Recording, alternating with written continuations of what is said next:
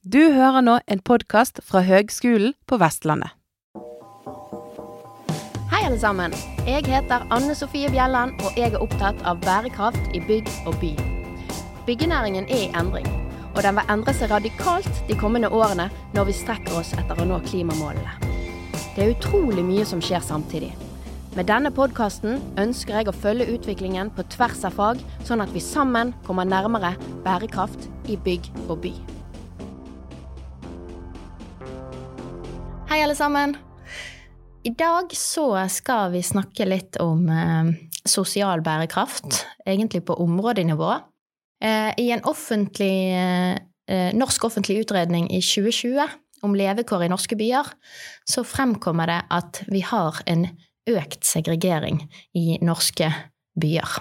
Det vil si at du får en opphopning sånn at man bor med grupper eh, som er lik seg sjøl. Eh, så de med lavere inntekt bor sammen med de med lav inntekt, og de med høyere inntekt bor i sine områder. Og eh, de som kjenner eh, boligmarkedet og sånn i Norge, de kan jo gjerne forstå at dette er en utvikling som skjer. Det er attraktiviteten på et område driver boligpriser på et område, som igjen avgjør hvem som faktisk har tilgang til et område, hvis de skal kjøpe seg bolig, da. Dette er noe som man jobber med å motarbeide, og jeg var litt nysgjerrig både på hvilke konsekvenser økt segregering har, men også hvordan man skal jobbe for å unngå det. Eh, så jeg måtte snakke med noen, og har snakket med Trond Stigen. Han er seksjonssjef i byrådsavdeling for barnevern og sosiale tjenester på seksjon for bolig- og områdesatsing i Bergen kommune. Hallo igjen, Trond. Hei, hei. Tusen takk for at du tar deg tid til å prate med meg i en travel hverdag. Ja, det har vært en travel, travel høst, men dette eh, har jeg sett frem til og gledet meg til. Så det blir kjekt. Så flott. Vi, vi må begynne med, med, deg og din bakgrunn, og så rolle der som du er i dag. Ja, eh, jeg heter Trond Stigen. Er egentlig jurist sånn av utdanning fra Universitetet i Bergen langt tilbake i tid etter hvert. Jeg har jobbet i kommunen med boligvirkemidler, boligsosiale virkemidler i snart 25 år. Såpass, ja. Um, veksler organisasjoner i kommunen, litt på boligetaten. Og så har jeg de siste 10-12 årene jobbet på byrådsavdeling, altså tett opp mot uh, politisk nivå. Og egentlig med utvikling av strategier og, og planer for hvordan vi skal uh, løse utfordringene vi har på disse områdene i kommunen. Mm. Nå er jeg seksjonssjef i det som heter byrådsavdeling for og nå må vi holde tunge beint i munnen etter tre endringer i høst. ja. Barnevern og sosiale tjenester heter det nå, byrådsavdelingen. Ja. Og der har jeg ansvar for seksjon for bolig- og områdesatsing. Ja. Utrolig spennende. Det er jo litt derfor jeg har lyst til å snakke med deg òg. Fordi at eh, i 2020 så kom det en NOU eh, om levekår i norske byer og tettsteder. Som, som konstaterte, eller dokumenterte, at forskjellene øker. Ehm, den, det blir ikke snakket så veldig mye om den egentlig når den kom. Ehm, men, men eh, jeg ville høre med deg hvordan ser dette ut eh, for Bergen? Jo, aller først er det jo sånn, Vi er jo veldig glad for at, har, at staten har satt fokus på, på dette med levekår og, og, geografiske forskjeller mellom byer og deler av byer og tettsteder. Uh, og det er nyttig å få på en måte en sånn overordnet blikk på dette. Um, vi har jo i Bergen eh, jobbet med områdesatsing, der vi har valgt ut en del områder som vi har sett at har levekårsutfordringer. Eh, og så har jo også politikerne i Bergen, eh, både byråd og bystyre, pekt på at det er viktig med å, å, søke å få til sosial utjevning og sosial bærekraft i nye områder etc. Mm. Så dette er temaer som er, er viktige for oss. Mm. Så vet vi også nå at staten eh, har signalisert at de skal følge opp arbeidet med NOU-en med en stortingsmelding som skal jobbes med nå i 2023 og legges frem i 2024. Det blir spennende. Veldig spennende. Ja. Eh, det pågår nå en del sånne innspillsprosesser der Husbanken og Kommunaldepartementet eh, henter innspill fra kommuner, eh, frivillige organisasjoner og mange andre for å, å, på en måte hjelpe staten til å peke retning. NOU-en peker jo mye på hvordan er situasjonen, og så mm. viser han frem litt at her er det noen områder det bør jobbes noe med. Mm. Men meldingen til Stortinget skal da på en måte adressere det i litt større grad. Hvordan skal vi faktisk jobbe da for å, å forbedre noe, utvikle noe. Utrolig bra, da. Men, men, eh, i forhold til, nå har vi brukt begrepet levekår og liksom forskjeller. Og hva, da lurer jeg på hvilke data bruker dere for å monitorere det? Ja, Eller liksom for å si noe om saken, da. Ja, og det, det er et veldig godt spørsmål. Um, for vi, vi, finner jo noen sånne objektive, målbare data. Mm. Uh, og så er det jo mye vi uh, vet påvirker levekår, som det ikke nødvendigvis fins målbare data på. Mm. Uh, hver, alle kommuner er pålagt å holde en oversikt over folkehelsen i kommunen sin. Mm. Eh, og i Bergen så er det sånn at man eh, med noen års mellomrom, tre eller fire år, lager en folkehelserapport. Ehm, tidligere kalte vi den en levekårsrapport, men det er på en måte det samme som nå lages, eh, lages videre. Mm. Den siste av de eh, kom i 2018. Eh, og Det er på en måte en samling av data fra ulike kilder. Som, som vi da legger til grunn bl.a. for å finne ut hvilke områder skal vi jobbe med områdesatsing, altså et særskilt fokus. Mm. Men hva skildrer da? Um, mye av det er jo sånn demografidata fra SSB. Ja. Uh, F.eks. hvor mye folk bor det i de ulike delene av Bergen, hvor gamle er de? Uh, når dør de? Dødsrater, f.eks. Skulle ikke tro at det skulle ha noen sånn geografisk forskjell. Men det er en av de tingene vi finner en opphopning av. Altså Folk dør tidligere i Bergen, i de områdene av byen der det er opphopning også av andre utfordringer. Det kan jo være knyttet til inntekt. sant? Eh, er man fattig, så Eh, kan man få uh, sykdommer. Lav arbeidsdeltakelse kan gi dårlig helse. Mm. Og motsatt. Ting henger litt sammen. Mm. Så det er for så vidt ikke uventet at, at dødsraten også henger litt sammen med dette. Mm. Men det er, noe, det er, ikke noen gode indikasjoner av dette. Vi ønsker jo å jobbe for å forebygge at det geografiske tilsnittet i hvert fall skal påvirke levekårene og, og helsen og utdanningsnivå. Uh, arbeidstilknytning etc. negativt. Det må jo ikke være sånn at hvis du bor i noen områder, så har du mindre sjanse for å lykkes i livet. Det må Nei. vi påvirke. Absolutt. Absolutt. Men observerer dere i, i, de tallene som dere monitorerer, da, som jeg forstår går både på helseaspekter, men også på, på inntekt og litt sånn? Ja. Eh, opplever, eller hva, Ser du at forskjellene øker i Bergen? Ja, vi ser i hvert fall en opphopning av uheldige eh, levekårsfaktorer i noen geografiske soner. Mm. Eh, kommunen er delt inn i eh, 50 ulike levekårssoner. Eh, der vi da på en måte sammenstiller data veldig, på veldig mange ulike indikatorer. Mm. Um, I disse sonene så er det sånn cirka altså de, de, er sammensatt litt sånn at det skal være rundt omkring 5000 innbyggere i hver sone. Okay. Men så er det jo selvfølgelig valgt ut noe som gir mening geografisk. Mm. Uh, og så får vi inn de objektive dataene. Vi får også litt statistikk på kriminalitet. Hvor skjer uh, ulovlige hendelser som blir anmeldt til politiet etc. Mm. Og så ser vi da på sum at i noen områder av byen på disse levekårssonene der det er mange sånne faktorer som i sum gir et inntrykk av at her er det noe som det må jobbes ekstra mye med. Mm. Innenfor vårt område så er det også sånn at hvor har vi de kommunale utleieboligene?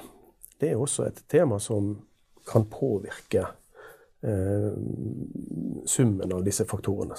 Mm. For i hvem er det som får bolig og trenger hjelp fra, fra, kommunen til å finne bolig? Jo, det er ofte de som ikke klarer det selv. De har lav inntekt, rusavhengighet, psykiske utfordringer, eh, som gjør at de er i en situasjon der vi må hjelpe dem. Og det er også på en måte indikatorer som påvirker levekårssummen i disse områdene. Ja, klart det. Har dere håper jeg, opphopning av kommunalboligene? Vi har det. Og det er jo en sånn historisk eh, betingelse. De fleste kommunale utleieboligene i Bergen ble bygget langt tilbake i tid. Noen for 100 og over 100 år siden. Eh, noen for 70, noen for 50 år siden. De siste tiårene har det vært bygget veldig lite utleieboliger. Mm. Eh, og da er det jo sånn at For 100 år siden, og for 70 år siden og for 50 år siden, da var Bergen kommune ikke det som Bergen kommune er i dag. Det var før kommunesammenslåingene med Arna, Åsane, Fana og Fyllingsdal og Laksevåg.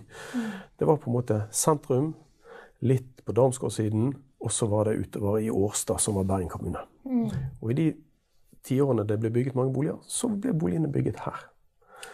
Så den historiske boligmassen til kommunen ligger i disse områdene, og ikke ute i de bydelene der eh, som har kommet til etterpå.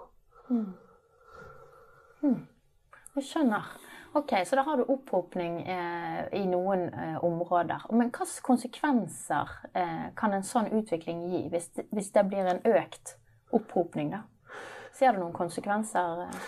Ja, altså det å vokse opp f.eks. i eh, et område med, eh, med mange utleieboliger, f.eks., det sier noe om stabilitet. Mm. Vi har jo eksempler fra, fra Løvstaksiden i Bergen, eh, Solheim nord, som vi har jobbet med områdesatsing i mange år. Der når man teller opp hvor mange elever som begynner på skolen, altså i første klasse, og hvor mange av de som faktisk fullfører skolegangen sin på samme skole, det kan være en håndfull bare. Oi! Da er det mange som har måttet flytte eh, til andre steder. Ja. Ikke sikkert at flyttingen er, er, er noe uheldig for familien som sådan, men det sier jo noe om, om at det er en ustabilitet i, i området. Mm. Og det er jo noe som kommunen eh, har forsøkt å, å måtte gjøre noe med gjennom boligpolitikken sin. Vi har trengt flere eh, boliger for barnefamilier i de områdene der det er mye barneflytting. Mm. flere og større og med høyere kvalitet. Mm. For å få, få familien til å bli boende over lengre tid, og sånn at barna kan ha stabilitet i oppvekstmiljøet sitt. Men jobber dere også med å spre kommunalboligene? jeg, I den grad det lar seg gjøre i et sånt marked som vi har? Ja, ehm, det er jo viktig for oss. sant? Og eh, vi, vi har jo nå et boligprogram, og vi har hatt et boligprogram for, for noen år siden som skal gi oss flere boliger. Og Da er oppdraget fra bystyret vårt ganske klart. Sørg for å etablere de boligene her i områder der vi ikke har så mange boliger fra før av. Mm. I tillegg har vi sagt at um, vi også ikke skal etablere boliger for vanskeligstilte i de områdene som har en opphopning av mange vanskeligstilte fra før av. For det er ikke sånn at vi har uh, utleieboliger i alle de områdene der det er en opphopning. Eh, men i en del av eh, områdene våre så er det mange utleieboliger. Men f.eks. i Loddefjord og Olsvik, som vi også ser en opphopning av levekårsulemper i, så har ikke vi så mange boliger. Av utleieboliger, i hvert fall. Men det som er kjennetegnet i de to områdene, er at boligprisene når du kjøper deg bolig, er ganske lave. Så de husstandene som riktignok ikke er de mest vanskeligstilte, men som f.eks. får startlån og hjelp fra kommunen til å kjøpe seg bolig, de bosetter seg i områder med lave priser, selvfølgelig. Ja. da, da blir det en opphopning av noen andre. Ja. Så boligmarkedet, altså det kommersielle boligmarkedet, det spiller en rolle her? Ja, absolutt, og uten tvil. Um, det gir oss også et innspill i hvordan skal vi forebygge at det oppstår mer uh, sosial ulikhet og, og skjevhet geografisk. Jo, vi må jo prøve å få til at de som skal kjøpe seg bolig, får kjøpt seg boliger i de nye delene av byen vår som skal utvikles. Um, F.eks. langs Bybanen og f.eks. på Dokken når den tid kommer. Da må vi ha boliger som kan enten leies eller kjøpes av husstander med middels og lav inntekt, og ikke bare de rike. Og dette er jo en, en stor nasjonal diskusjon, egentlig internasjonal diskusjon. At man på en måte eh, må lage en slags tredje boligsektor, eller finne på noe som gjør at, at flere har tilgang. da. Absolutt. Og det å, å både løfte diskusjonen, men også være med og peke på løsninger og hente eksempler internasjonalt, har vi sammen med de andre storbyene og Husbanken fått satt på dagsordenen. Og også faktisk fått uh, jobbet litt sammen med høyskolen på. Og, og laget noen rapporter som viser eksempler på det. Og det er verdifullt. Veldig. Men du, du har nevnt noen, da. Men, men eh, kan du nevne noen bydeler i Bergen som eh, utvikler seg uheldig? Og da tenker jeg både med tanke på opphopning av eh, levekårsutfordringer, men også kanskje med tanke på en homogenisering i motsatt ende av skalaen. For det Ja. er vel også kanskje uheldig? Eller man jobber kanskje ikke aktivt med det? Nei, det er ikke det som har hatt størst oppmerksomhet og størst fokus. Eh, Så det, det har ikke vi jobbet så mye med fra min avdeling. Um, Men det er jo denne levekårsrapporten, og så lages det en politisk sak rundt den. Og så bruker vi det som utgangspunkt for hvor er det vi skal, eh, sammen med staten, forsøke å jobbe med å forbedre situasjonen i Bergen. Um, Og mm, jeg nevnte det med Solheim, eh, altså løvstakssiden. Der har vi jobbet i mange mange år for å prøve å påvirke forholdene. Mm. Vi har jobbet nå i ti år i Ytre Rana på Indre Laksvåg. Mm. Og i disse dager står vi, eh, avslutter vi egentlig arbeidet vårt der. Altså, bystyret har sagt at vi skal avslutte områdesatsingen der i, ved årsskiftet nå. Okay. Og så har bystyret sagt ok, da skal vi faktisk starte to andre steder. Vi skal ta med oss Solheim sør, som egentlig går fra omtrent fra Nykomborg skole og et stykke sørover langs eh, Minde, Minnemyren. Mm. Og selvfølgelig opp i, oppe i fjellsiden på den siden. Og så skal vi begynne på Slettebakken. Ok. Um, det ble nye områder der. Vi i den siste rapporten så at dette var områder som fortsatt skårte høyt på levekårsulemper. Altså en opphopning av lav inntekt, sykdom, uh, lite, lite utdanning, kriminalitet etc. Mm. Har du noen eksempler på områder som har en liksom sånn god miks, der dere er fornøyd? Ja, altså Hovedbildet i Bergen, eh, og det, det, er jo eh, det er viktig å få frem. Ja. Spesielt hvis vi sammenligner oss med Oslo. Hovedbildet i Bergen er at de aller fleste bergenserne bor i gode nabolag, trygge nabolag, og har gode oppvekstvilkår for, eh, for barn og unge. Og gode arealer for, for eldre og oss voksne også. Um, og når vi måler det i forhold til Oslo, så ser vi at Oslo har et vesentlig større trykk på disse tingene enn vi har i Bergen. Men det kan vi jo ikke slå oss til ro med og være fornøyd med, når vi likevel ser at det er deler av Bergen, levekårssoner, som faktisk har utfordringer. Det er heldigvis politikerne enige med oss i, og har sagt at vi skal jobbe fortsatt med områdesatsing i Bergen. Og vi har staten med oss. Vi får i år, eller i statsbudsjettet som nettopp er lagt frem, og som gjelder for neste år, så får vi nesten 20 millioner til å drive med dette arbeidet vårt i disse levekårssonene fra staten. 10 millioner i Loddefjord og eh, Olsvik, og ca. 10 millioner til de resterende områdene, som nå er Solheim og Slettebakken. Jeg kan bare spørre, for Du sa dere skulle avslutte på Laksevåg. Ja. Var man fornøyd, liksom? Eller hva er det som avgjør at man nå slutter vi? ja, og det For er jo dette er jo godt kontinuitet, tenker jeg. Eller Ja, sånn. og det er jo noe vi lurte litt på. Ok, Nå har vi jobbet i mange år. Vi har jobbet i ti år faktisk i disse levekårssonene med områdesatsing. Områdesatsing ment å være et midlertidig tiltak. Um, og så er det jo ikke sånn at vi har klart å sikre alle høyere inntekt. Vi har ikke klart å sikre alle høyere eller bedre boliger. Eh, Vi har ikke klart å gi de høyere utdanning eller mer arbeid. Um, Det er fortsatt en høy andel barnevernstilfeller i disse områdene.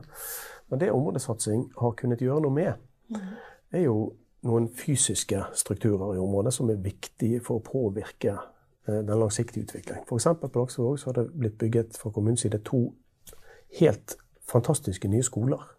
Damsgård skole og Hålen skole. Med eh, høy kvalitet, både for undervisningssituasjonen, men ikke minst så er det en mulighet for nærmiljø å bruke lokalene på ettermiddag og kveld. Det blir på en måte det bankende hjertet i området. Sant? Det er alltid aktivitet og, og åpne dører. Ja. Um, det er en suksess for å få for brukt skolebyggene mer enn bare fra åtte til, til fire, som var hverdagen før. Ja, ja, ja. Det, det er jo Ny-Kronborg skole som har vært et, eh, en foregangsskole et mønster som blir kopiert når, når kommunen bygger nye skoler eh, videre ute i byen vår. Ikke bare i de vanskeligstilte områdene, men også i andre områder. Okay. Um, vi har fått utviklet eh, parker og byrom i, på Laksevåg. Eh, Laksevågparken, Håsteinerparken, eh, Løvstien i deler av området. Vi har markert en del sånne altså, viktige kulturminner, uh, urbane turløyper. På en måte fått opp noen sånne nærmiljøkvaliteter som gjør at det, er, det fysiske området er, er, er løftet. Mm. Og det gjør det tryggere og bedre og mer attraktivt både for barn og unge og voksne å gå på tur og være ute og, og ha det kjekt. Absolutt. Eh, og det tredje, eh, tredje beinet i en områdesatsing er også det med å, å på en måte lage arenaer for dialog og medvirkning. Sånn har, hvert år har vi folkemøter i startfasen for en områdesatsing, som vi nå skal i Slettebakken f.eks. Så det å på en måte få opp den lokale deltakelsen, medvirkningen, eh, vise at her hjelper det å engasjere seg litt. Her, Her får man en skolering i hvordan skal vi påvirke planer, hvordan kan vi ta in initiativ uh, for få ressurser. Mm. Det er også litt viktig å, å hjelpe til at lag-organisasjoner og, og, folkelivet ute blir oppmerksom på at de faktisk kan klare å påvirke. Mm. Ok, Så Områdeløft det er da et uh, initiativ, altså det, det, er en modell som finansieres litt av kommunen, litt av staten. Har tre bein. Den ene går på fysisk oppgradering. Ja. Og så har du sosial uh, medvirkning, interaksjon. Ja. Og hva var det siste? Um, det er mer det å få etablert altså, Og på en måte stimulere til aktivitet. Altså, vi gir mye tilskudd. Ja, For å etablere tilbud, rett og slett? Tilbud, ja. ja. Eh, nye tilbud i idrett, nye tilbud i kultur. Ja. Um, ja. Så det er en stor sånn tilskuddsordning der også, som, ja. uh, som vi ser øker på en måte livet i området. Ja. Veldig stilig. Eh, men du fortalte jo meg Det, det, det hang sånn med. For du, eh, jeg snakket jo med deg så vidt under, under, Bergens internasjonale filmfestival. Stemmer. Og da sa du at eh, ja, sånn, så så vi på tallene, sånn, skulle vi inn og så skulle vi gjøre områdeløft. Og så hadde vi dette møtet. Og så var det noen av beboerne som var litt sånn herre Å ja, skal dere ha løfte hos oss? Vi har det jo så greit. Eller de, seg, de kjente seg ikke igjen i tallet, da. Nei, og det er jo egentlig et tegn på at det er ikke bare de objektive tallene som avgjør om det er eh, godt å bo et sted, mm. Eh, og hva man føler for stedet. Mm.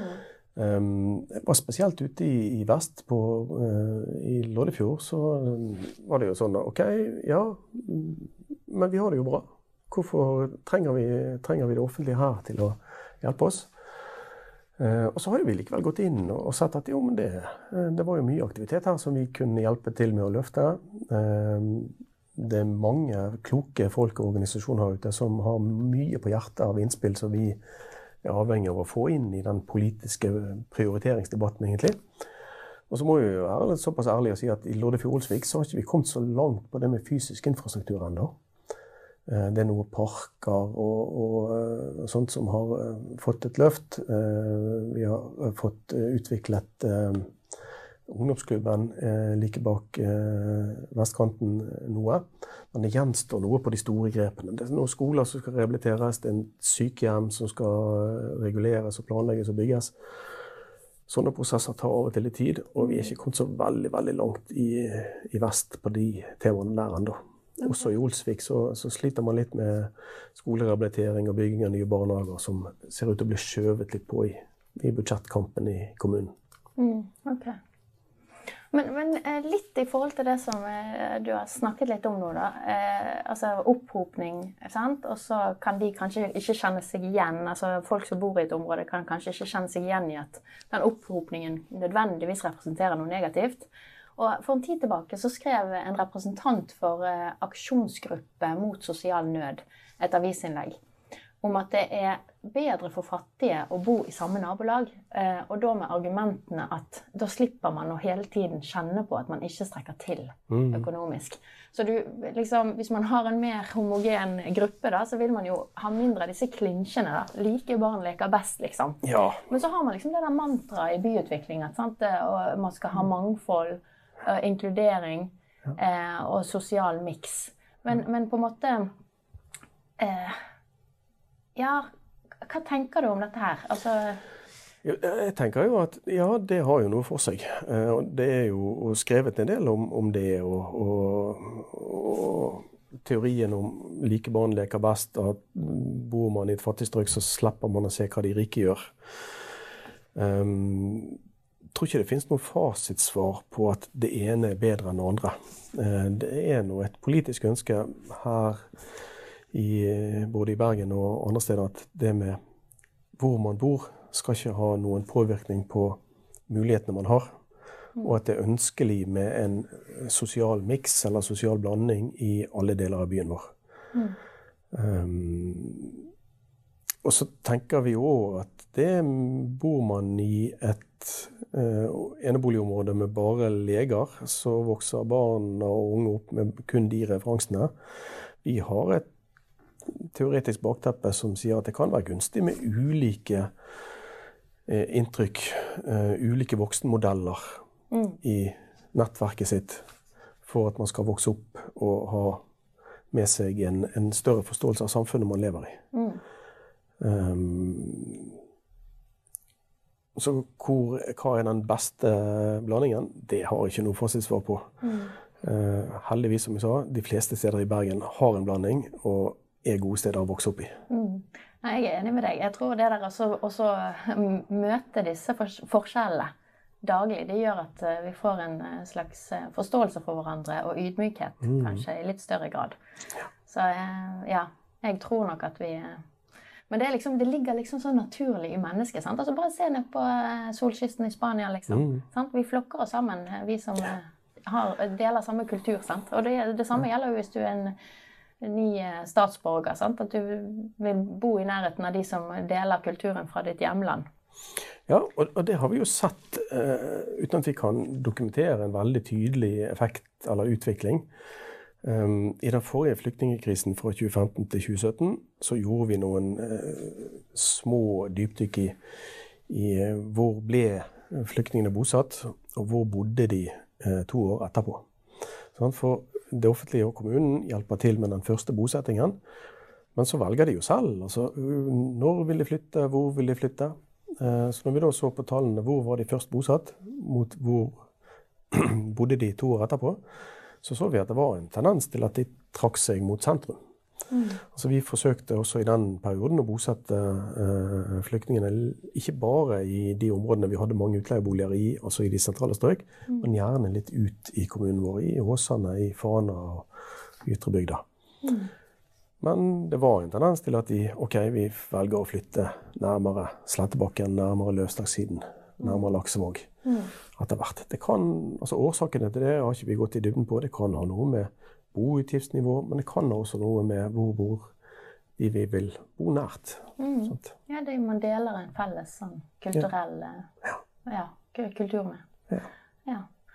Uh, du var litt inne på dette her med at det er lenge siden man bygde kommunalboliger. Uh, og nå er det jo en litt sånn uh, ny rigg der Husbanken Eh, og proffe utleiere. Altså, kan du fortelle om den konstellasjonen? Ja, det kalles tilvisningsavtaler. Mm -hmm. Da er det sånn at kommunen kan inngå en avtale med en privat utleier om å få bruke en viss andel av boligene i et utleieboliganlegg. Ja. Um, og den aktøren da, som eier boligene, um, får da finansiering fra Husbanken. De kan få lån. Mm -hmm. Eh, til å kjøpe eller til å oppføre et sånt boliganlegg. Er dette liksom noe, altså Man bygger ikke flere kommunalboliger, eller kjøper ikke seg flere boliger? Man bare kjører den modellen? Nei. Eh, dette, altså Akkurat nå har vi et boligprogram eh, som bystyret har vedtatt, der vi skal anskaffe 250 flere boliger. Og Så har de sagt at 125 av de skal dere utvikle i samarbeid med ut, utbyggere etter denne modellen. Mens 125 skal dere bygge eller kjøpe selv og drive okay. som uh, vanlige kommunale utleieboliger. Okay. Um, men vi ser jo at okay, denne måten å samarbeide med markedet på um, gir oss boliger i områder vi kanskje ellers ikke hadde klart å komme oss inn i. Ja. Uh, og de boligene, For vi har nå inngått fem avtaler, tatt i bruk fem slike bygg i Bergen. Med utbyggere og utleiere i områder langs Bybanen sørover, først og fremst. Mm. På Paradis og ved Lagunen og på Sandsli har vi disse anleggene. Mm. Eh, og da, Det har gitt oss over 100 boliger. 107 boliger tror jeg vi har tatt i bruk. Eh, og så er det da vi bruker inntil 40% av boligene.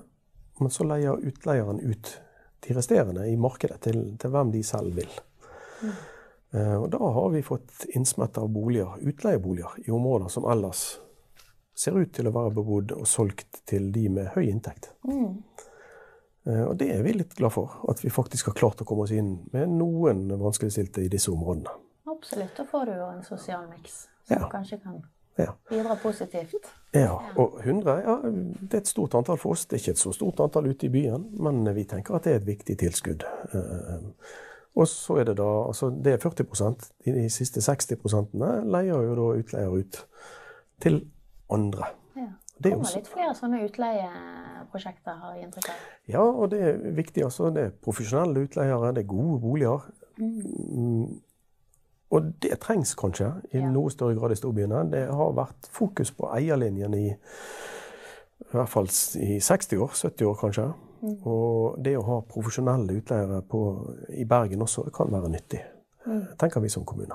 Nå har vi lyst ut eh, i markedet akkurat nå, med tilbudsfrist eh, utpå nyåret i mars-april, tror jeg. Der vi ber om inntil 20 boliger til. Og da har vi bedt om OK, vi vil ha i Åsane, hvis det er noen som har det. Eller i Fyllingsdalen. Eller på Minnemyren. Okay. Så der, Det er områder som det nå skjer en transformasjon og utbygging på. Kanskje det er utbyggere som har lyst til å samarbeide med oss eh, om dette der nå. Og så får de da et slags tilskudd fra Husbanken? Nei, de får ikke tilskudd, Nei. de får bare et gunstig lån.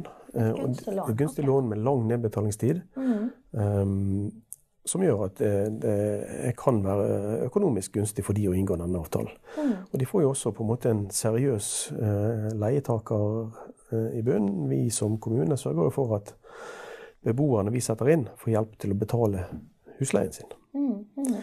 Den enkelte husleie inngås mellom beboer og utleieselskapet. Så det er ikke kommunen som leier, men vi har jo en, en garanti og, og, sørger for at de får hjelp fra oss til å betale husleie. Mm. Så de får en trygghet for det også. Ja, Veldig bra.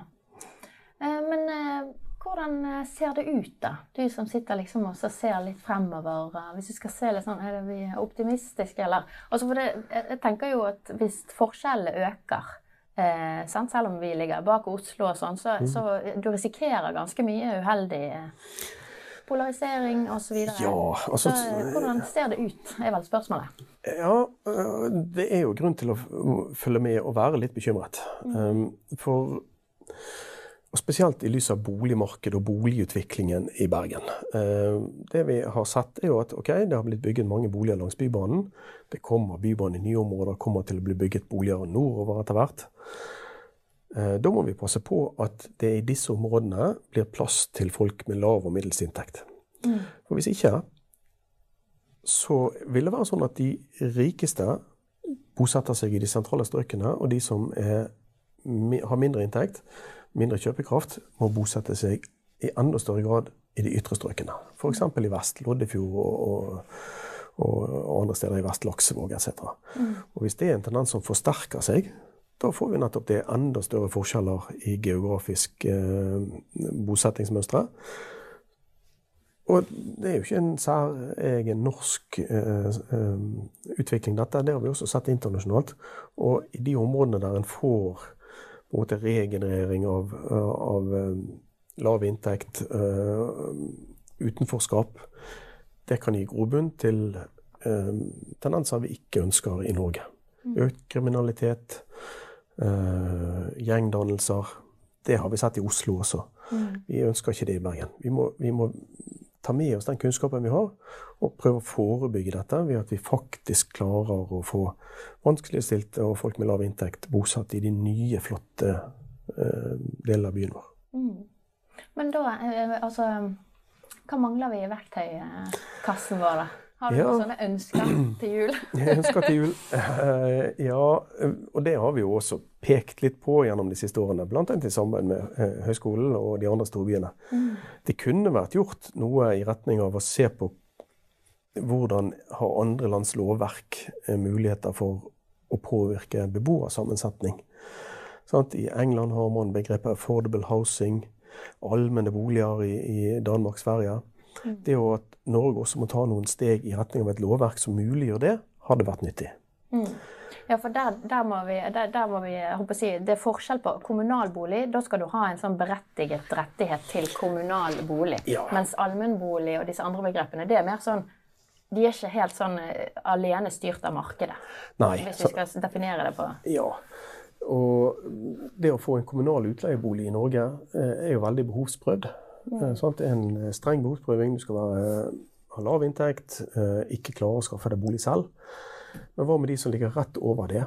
Mm. Um, og de som ikke klarer å få kjøpt seg en bolig, som har problemer med å få en god leiebolig. Um, det burde vært et større handlingsrom for også å hjelpe de med noe. Mm. Og Da kan et lovverk som f.eks. sier noe om at ja, en andel av boligene skal uh, skal utvikles med lav pris, f.eks. i et borettslag. En andel av boligene skal være leieboliger. Eh, den norske plan- og bygningsloven skiller jo heller ikke på boligtype i så måte disposisjonsformen. Sant? Den sier bare at en bolig er en bolig. Den stiller ikke noen mulighet for at det offentlige kan si at det skal være en andel av leieboliger eller reguleres et utleieboliganlegg. Det er ikke noen reguleringsstatus i Norge. Det kunne vært et første steg. i hvert fall. Mm. For det er jo ikke sånn at lovverket i seg sjøl ville gjort en stor forskjell kjapt. Eh, dette ville ta tid uansett, mm. men da må man være villig til å gå noen første steg. Prøve det og se hvilken effekt det får, før vi kan ta nye steg igjen. Mm. Veldig, veldig bra. Eh, har du helt til slutt noen gode råd til de som skal ut og bidra til å forme morgendagens byer, områder og nabolag? Ja, husk på uh, de vanskeligstilte. Det er så fort gjort at når vi snakker om at alt skal skje med høyere kvalitet, det skal bli enda bedre, enda finere, så må ikke vi glemme at høy kvalitet påvirker ofte pris. Uh, vi må huske på at vi må planlegge med løsninger som faktisk gagner de som ikke har råd til å kjøpe eller leie de dyreste boligene. Mm. Så fortjener de også selvfølgelig boliger av høy kvalitet på et godt område med god tilgang til eh, parker og byrom og de kvalitetene vi andre tar del i hele tiden. Mm. Veldig bra. Tusen takk for praten, Trond. Takk likeså. Dette var veldig kjekt. Så bra. Utrolig interessant å prate med Trond. Eh, jeg ble litt klokere. Og eh, på én måte så kan man jo si at det at man trenger Trond og co. som sitter og jobber med dette her, er vel egentlig et tegn på at det er noe som ikke helt funker optimalt. Det er noe i de større strukturene som eh, med fordel kunne justeres på. Og jeg har hatt gleden, sammen med flere på mitt institutt for byggfag her på Høgskolen på Vestlandet, å få være med på en eh, rapport eh, som vi lagde på oppdrag fra Husbanken, eh, som het Boliger for alle. Et tidsskille i norsk boligpolitikk, der vi så på nettopp eh, hva er det som eh, mangler, eller eh, hva, hvor er det utfordringene er, da. Og på grunnlag av den utredningen så har vi noen sånne forslag til videre kunnskapsutvikling og behov da, innenfor dette her.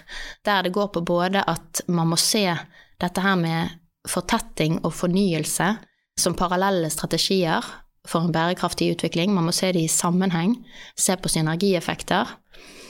Eh, og så er det dette her med at man må ha eh, man, man, trenger, litt sånn som Trond òg er inne på, vi trenger et bredere boligtilbud innenfor rammene av etablert samspill mellom stat og marked. Så vi trenger noe som ikke fins i dag. Det snakkes om en eh, tredje boligsektor. Eh, den defineres på veldig mange ulike måter. Og vi har jo denne sterke eierlinjen i Norge der selv om han er faktisk litt på vei tilbake, da, så han har gått litt ned de siste årene, men 77 Eh, av norske husholdninger eier egen bolig. Men, eh, men, det er noe som det kan se ut som i hvert fall at i det meste av, eh, av politiske uttalelser så skal man på en måte ivareta det. Og det er for så vidt greit, for du fordeler jo formue ut på befolkningen. Så sånn sett så har den eierlinjen også god effekt, og den gir jo en slags trygghet eh, til mange.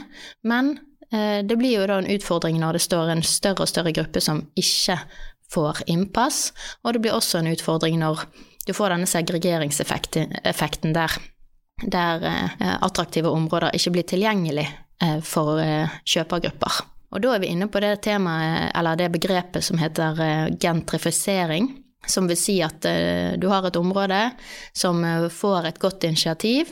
Og det trenger egentlig ikke å være uh, fra kommunens side heller, det kan være et innbyggerinitiativ. det kommer noen gode krefter, det kommer et eller annet som gjør at området Kanskje det får et fysisk løft og blir seende bedre ut, men da øker attraktiviteten. Flere ønsker seg inn der prisene øker, både leiepriser på lokaler, men også boligpriser, noe som gjør at både, både bedrifter og foretak eh, kan måtte flytte, men også, eh, også beboere da, eh, vil, vil, få vanskeligere adgang til området. Så Derfor så, så, er det snakk om dette at man må, man må, ha et bredere boligtilbud. Så man må på en måte definere en gruppe boliger som er på en eller annen måte prisregulert. Men dette her er veldig vanskelig å få til uten at det faller uheldig ut i en annen ende.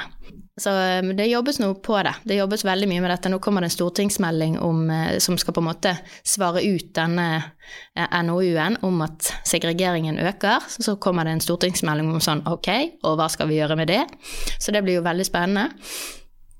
Eh, den siste liksom, konklusjonen, eller det siste poenget som kom ut av den rapporten som jeg fikk ta del i, da, det er at det må være en styring av lovverk med tanke på en samfunnsnyttig gjennomføring av fortettingspolitikken. Uh, og ikke, ikke, Altså, man må ikke glemme samfunnsnytten. Den må sikres i større grad enn i dag, da kanskje. Der det i dag sikres rett og slett for lite. Sånn at man ser at vellykkede prosjekter økonomisk kanskje ikke bidrar nok til det området som de er oppført i. Men vi skal være glad vi har eh, Trond og co. som kan eh, jobbe med å, eh, å, utbedre områdene våre og gjøre Bergen til en, en bedre by for flere.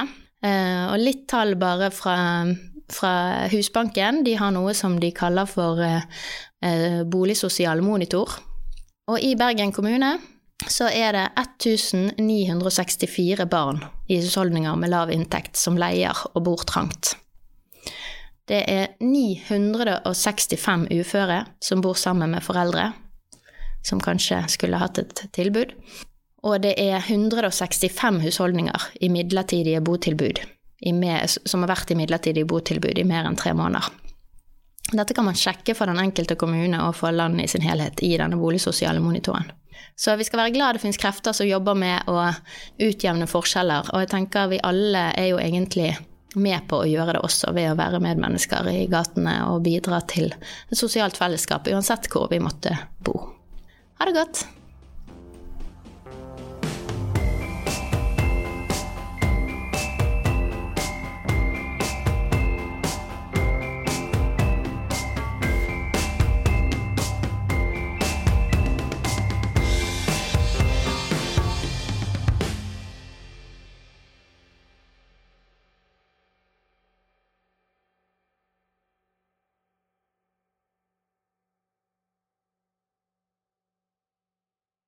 Du har nå hørt en podkast fra Høgskolen på Vestlandet. For å høre flere podkaster, besøk hvl.no slash podkast.